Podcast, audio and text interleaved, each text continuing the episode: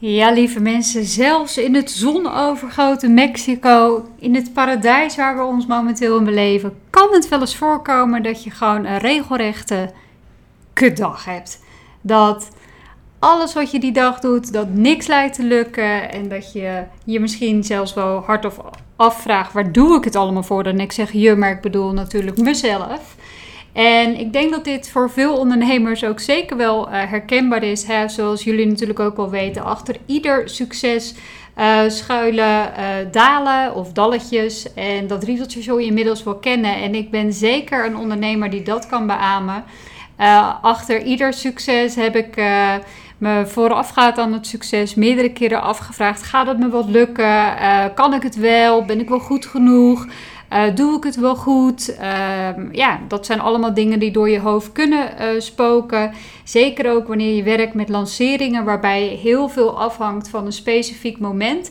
Ja, dan komt het allemaal samen. Dan is het eh, al maandenlange opbouw naar dat grandioze moment. En dat je denkt: oké, nu moet het gebeuren. Ja, en als op dat moment iets tegen zit, of de techniek eruit klapt, of iets dergelijks. Ja, dat zijn dan echt gigantische uh, dallen. dat is dan een gigantisch dal. En zie er dan maar eens uh, uit, te, uit te komen. En um, ja, ik dacht ook wel goed om deze zijde van het ondernemerschap eens te benadrukken. Het is niet alleen maar uh, roze geur en maneschijn. En natuurlijk, als het goed gaat, dan wil ik het van de daken schreeuwen. Dus ik dacht, laat ik het ook eens een keer van de daken schreeuwen als het minder goed gaat. Maar uiteraard wel met een positieve uh, twist, uh, omdat ik je in deze podcast uh, wil tonen welke stappen ik volg om zelf weer de regie te, terug te pakken. En um, ja, dat zijn eigenlijk toen ik erover na begon te denken, dacht ik: oké, er zijn echt wel altijd een aantal zaken die ik doorloop, um, waardoor ik me daarna weer beter voel. En um, Mark, mijn vriend, zoals jullie weten, die zei van... God, misschien is het eens een keer een goed idee, schat... dat je dat uh, stappenplan uh, ook eens uh, uitwerkt en dat je dat gaat delen. Niet alleen voor de mensen die jouw podcast luisteren... maar zodat je hem zelf misschien ook weer eens kan luisteren... als het eens een keertje zover is. Want ja, ik kan er vergif op innemen dat 365 dagen van het jaar... ik me niet top of the moon voel, voel en dergelijke... en dat er zeker momenten zullen zijn waarbij ik me even hmm voel. Dat is ook helemaal oké om dat doorvoelen natuurlijk. ik wil echt niet zeggen dat je altijd alles maar snel onder water moet drukken of uh, dat je uh, je gevoelens daarbij niet uh, mag tonen en dergelijke. Sterker nog, ik denk juist dat het heel erg belangrijk is dat dat erbij is. Maar zoals de dieren natuurlijk ook doen in het dierenrijk, die schudden het trauma van hun af en die gaan weer verder. En Eigenlijk zie ik deze podcast, dit stappenplan wat ik eh, met je deel, eigenlijk als dat afschudden van een dier. En ik heb het maar gebombardeerd, het stappenplan van je shit je hit maken. Shit, van shit naar hit actieplan. En ja, zeker ondernemen is natuurlijk eenmaal uh, topsport. Je steekt al je energie, geld en tijd erin. Dan is het af en toe, af en toe natuurlijk verdomde zuur. Een zure appel als je daar niet direct het resultaat van terugziet. En dan krijg je te horen, en ik geef ze zelf ook wel eens hoor. Ja, maar je bent aan het zaaien. Je moet vertrouwen blijven houden. En als je er zelf niet meer in gelooft, dan gaan anderen het ook niet geloven. En dan, doordat je er zelf niet in gelooft, ja, dan kunnen anderen daar niet op aanhaken. Of je moet het gewoon nog even volhouden. Hè? Ze zeggen niet voor niets dat uh, bedrijven, uh, uh, als ze langer dan vijf jaar bestaan, dat, dat het succes dat daarna echt wel komt, maar dat die eerste vijf jaar vaak een kwestie zijn van overleven. Nou, wellicht heb je zo'n goed bedoeld advies zelfs ook al eens uh, te horen gekregen en bracht het misschien wel zelfs het bloed bij je aan het koken, dat je denkt, ja, nou, maar bij mij werkt het niet. Daarom dacht ik, laten we dat shit van shit naar hit actieplan eens eventjes doornemen. Want uh, dit kan je omdraaien. En de enige die het natuurlijk kan omdraaien, dat ben jij. Jij bent degene die verantwoordelijk is, ook voor de loop en ook voor je shit, om dat weer om te buigen in het positief. En als ik nu uh, terugkijk, ook op alles wat er is gebeurd uh, ten tijde van mijn ehm, onderneming, samenwerkingen die niet goed gingen, um, boze klanten, uh, omgaan met negatieve uh, reacties onder berichten of onder advertenties. die nergens op sloegen, re recensies. Ehm, nou, er is van alles gebeurd. samenwerking die op het laatste moment afgezet werden, terwijl er al heel veel kosten voor worden gemaakt. Ja, dat heeft er echt wel voor gezorgd dat ik me een tijdje echt kut heb, gevoeld. Maar uiteindelijk is de enige die zichzelf kan oppakken, dat ben je zelf. Dus dat gaan we nu doen. En um, ja, ik werd hieraan dus weer eventjes herinnerd hier in Mexico. Ik kreeg een mailtje en vanuit daaruit kwam er een uh, vervelend gesprek op mijn, uh, op mijn pad diezelfde dag. En van het ene uh, viel ik eigenlijk in het andere. En ik dacht, ja, zie je wel, alles is tegen me en niks wil lukken, bla bla bla. Terwijl ik daarvoor dus nog wel gewoon een nieuwe klant had gekregen, waar ik heel erg blij en dankbaar voor ben. Maar dit zorgde er echt voor dat ik in een negatieve spiraal kwam. En dat Mark mij heel erg de spiegel voor hield. Oké, schat, je kunt zelf dat tij omkeren. Dat, heb je, dat pretendeer je zelf ook richting je klanten. Dus practice what you preach keer het tij om. Want je maakt het bij mij ook niet uh, gezelliger op. Dus uh, nou ja, wat doe je dan? En de eerste en allerbelangrijkste stap is denk ik om te relativeren. En neem eventjes een stap terug en beantwoord de volgende vragen. En dit doe, dit doe ik dus zelf altijd. Dan, dan vraag ik aan mezelf: oké, vergaat de wereld? Uh, hoogstwaarschijnlijk is het antwoord nee. Kan ik nog steeds ademen? Hoogstwaarschijnlijk is het antwoord nog steeds ja. Leef ik nog? Ja. Kan ik straks nog naar buiten met Kees? Kan ik straks nog eh, andere dingen doen buiten omdat ik hier nu alleen maar zit te treuren? Ja. En uh, als allerlaatste relativeringsvraag die je jezelf kan stellen: hè, wat is nu het allerergste wat mij zelf of de mensen om mij heen nu hierdoor kan overkomen? En door deze vraag te stellen, dan schep ik gelijk al een soort van afstand. Het lijkt wel alsof ik boven de situatie eigenlijk uh, kom te hangen en het eigenlijk van een afstand kan bekijken. En denk, ja, ja, het is inderdaad best wel kut. Maar uh, ik adem nog steeds. Uh, er komt waarschijnlijk nog steeds een nieuwe morgen. De zon komt weer op. Ik kan naar buiten. Ik kan leuke dingen doen die hier los van staan. Dat gaat allemaal door.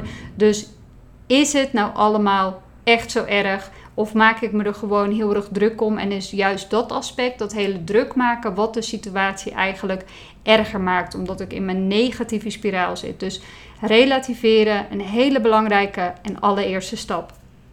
Daarna is het belangrijk om rust en helderheid te creëren. En voor mij werkt dat heel erg goed om een ademhalingstechniek toe te passen. En wat ik dan doe, is, ik noem hem de drie keer, uh, nee, de vier keer vijf techniek. Je ademt gedurende vijf tellen in, dus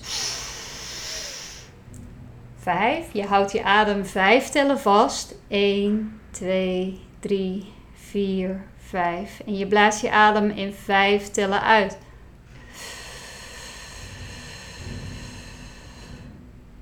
Dit doe je voor vijf keer en je zult merken dat je gelijk een bepaalde staat van rust en helderheid komt, omdat je je hele lichaam eigenlijk het signaal geeft door het te vullen met zuurstof en door zeg maar de positiviteit in te ademen en door alles los te laten, alle stress, etc. uit je lichaam te halen, dat je gelijk een soort van, ja, ik zou het bijna een soort van balans, of dat het een beetje kabbelend. In ieder geval dat je rust en helderheid creëert, zodat je ook weer helder kunt nadenken. En vaak in situaties waarin we ons neerslachtig voelen of wanneer we het eventjes niet meer zien zitten, dan gaan we in standje paniek. En standje paniek, wat doet dat?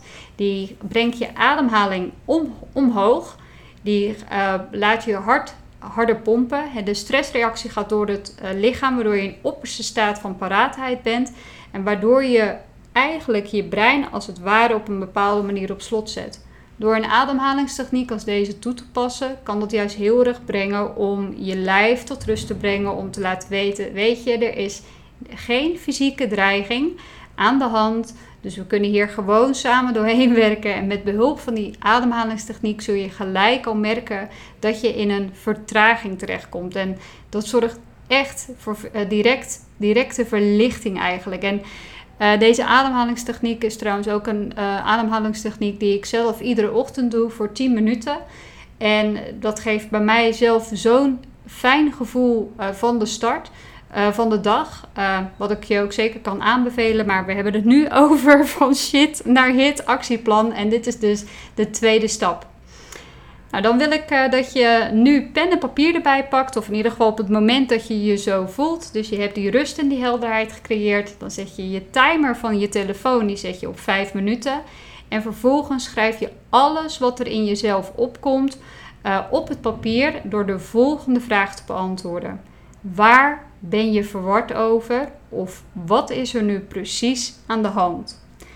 Schrijf alles op wat er in je opkomt. Het maakt niet uit of het uh, goede zinnen zijn of dat het logisch is of, of iets dergelijks. Begin met schrijven op dat papier en je zult zien dat naarmate je blijft schrijven en jezelf in die mate eigenlijk dwingt om over die vraag na te uh, denken en te starten met schrijven, dat het daadwerkelijk ook op papier komt te staan.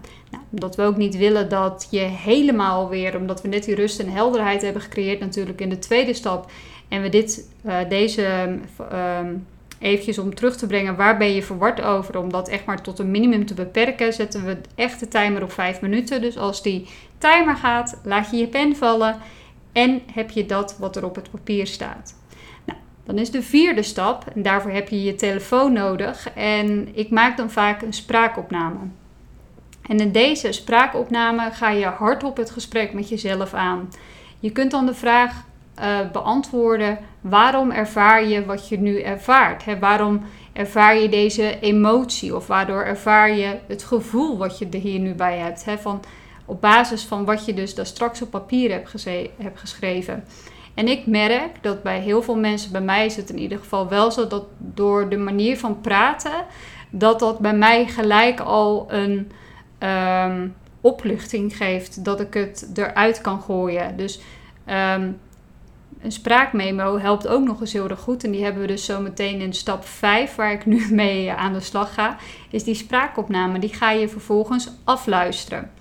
En wat ik dan altijd doe, is um, ik stel me dan voor dat die spraakopname, dat ik die niet zelf heb ingesproken, maar dat ik net doe alsof die mij is toegestuurd door een uh, vriend of een vriendin of een business buddy, business buddy die dit naar mij toestuurt. En ook dit zorgt er weer voor dat direct mijn perspectief verandert. In plaats van de hoofdrolspeler in dit verhaal te zijn, uh, plaats ik mezelf eigenlijk als toeschouwer. En dit vergroot de afstand, waardoor ik ook weer meer rust en helderheid kan creëren, maar me ook kan verplaatsen en eigenlijk in die business buddy, in die vriendin.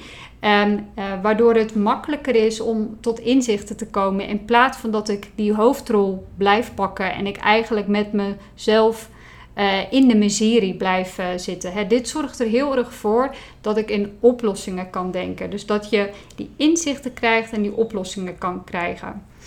En ja, hoogstwaarschijnlijk zullen er al gedurende de opname verschillende inzichten bij je binnenvallen. En over hoe je met de situatie zou kunnen omgaan.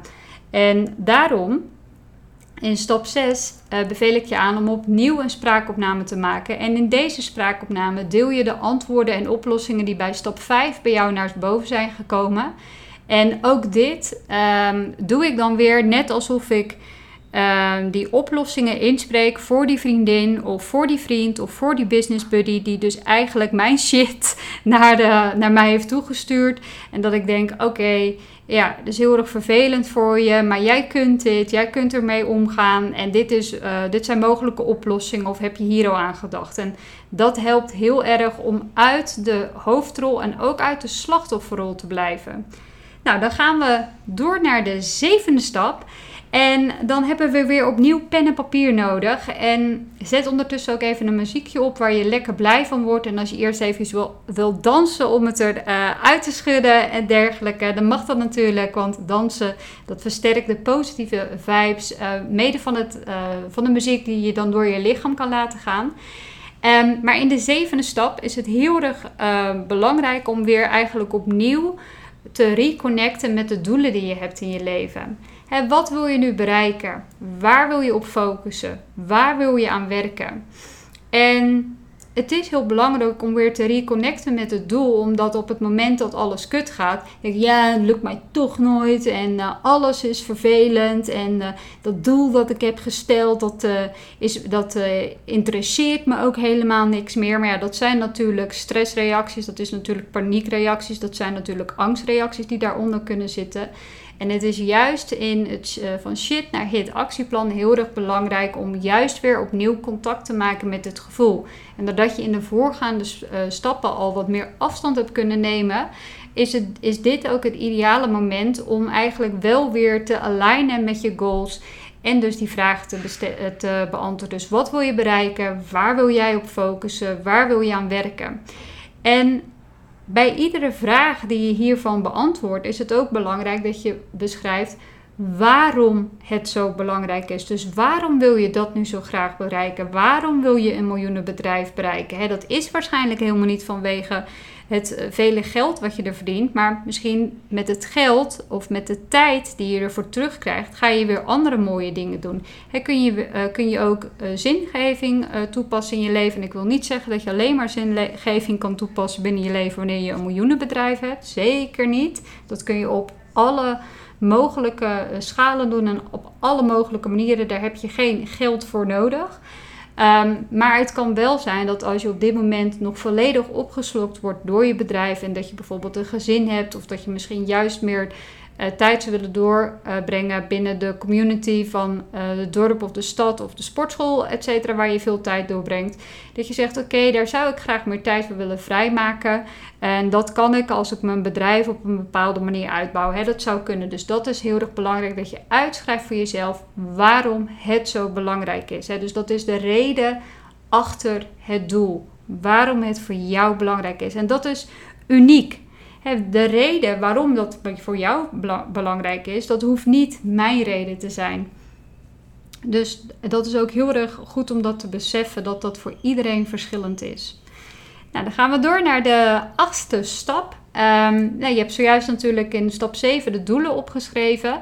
In deze stap ga je daar eigenlijk prioriteit aan toe, toekennen. En dus dat doe je dus door ze eigenlijk op volgorde te zetten. Door te zeggen, oké, dit doel, uh, dat heeft prioriteit nummer 1. Die heeft prioriteit nummer 2. Et, nou, et cetera, et cetera. En wat dan heel erg helpt om weer eventjes voor jezelf inzichtelijk te maken... oké, welke onderliggende stappen moet ik nu bereiken om mijn doel te kunnen bereiken? Want je kunt een heel groot doel hebben...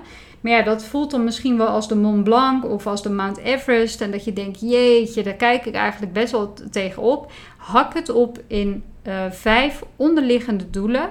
Um, zodat het behapbaar wordt en zodat je er ook uh, stapsgewijs eigenlijk aan kan gaan werken. Het, het werkt niet om een doel één keer een paar uur uit te oefenen en om dan te zeggen, ja, het werkt niet. Nee, stapsgewijs ga je eraan werken. Iedere keer een beetje. Dus verdeel je doelen onder in subdoelen.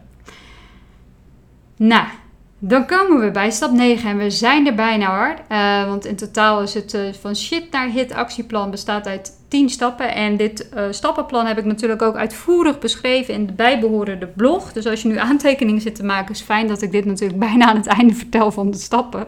Dan kun je daar wellicht mee ophouden. Want ik heb dit dus op mijn blog en ik zal de link ook in de, in de show notes zetten. Maar de negende stap is dat je een nieuw vel papier pakt. En dat je daar uh, zeven uh, cijfers, of zeg maar 1 tot en met 7 op neerzet. En bij ieder, uh, iedere cijfer schrijf je iets op waar je op dit moment dankbaar voor bent. En dat kunnen grote of kleine dingen zijn. En ik vind het heel erg belangrijk om het echt te benadrukken dat dat iets is van nu. Dus dat dat niet heeft te maken met je doel. Dus, oh, als ik dit doel bereik, dan ben ik gelukkig. Nee, het gaat echt om het nu. Want zelfs als dingen er niet lukken, zijn er ook zeker wel dingen die wel lukken. Want het is natuurlijk niet zo, ook al voelt het misschien soms zo dat heel de dag kut is, of heel mijn week is kut, of dit en dat. Maar er zijn altijd dingen die uh, de moeite zijn om uh, ergens dankbaar voor te zijn. Um, dat de zon weer opkomt, dat uh, de lucht blauw is, dat bij mij bijvoorbeeld Kees in mijn leven is, dat Mark in mijn leven is, dat.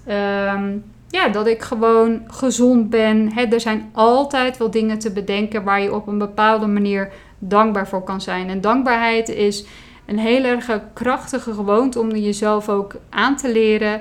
Uh, om, op het moment dat je namelijk dankbaarheid uit, dan kunnen er geen negatieve gevoelens naar boven komen.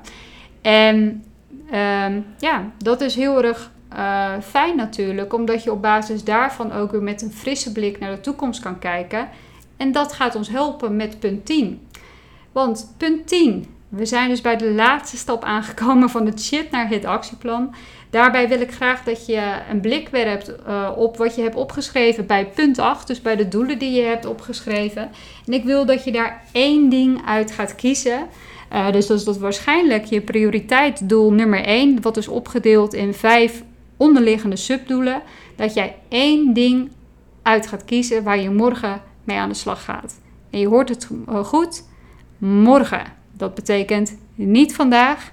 Nee, morgen is er namelijk weer een dag waarop je vol frisse moed aan de slag kunt. En ehm, ik zou deze dag gewoon voor de rest laten voor wat hij is. Ga lekker iets doen waar je je fijn bij voelt. Uh, ga lekker sporten of ga lekker even naar buiten in de natuur, wat heel erg goed kan helpen. Ga lekker naar vrienden toe. Ga iets leuks doen waar je vrolijk van wordt zodat je ook weer met een uh, blij en dankbaar gevoel kan uh, gaan werken. En omdat je nu precies weet wat, er, wat je morgen te doen staat, zul je ook merken dat het de volgende dag echt veel beter gaat. Dus ja, dat zijn de stappen om van je shit een hit te maken.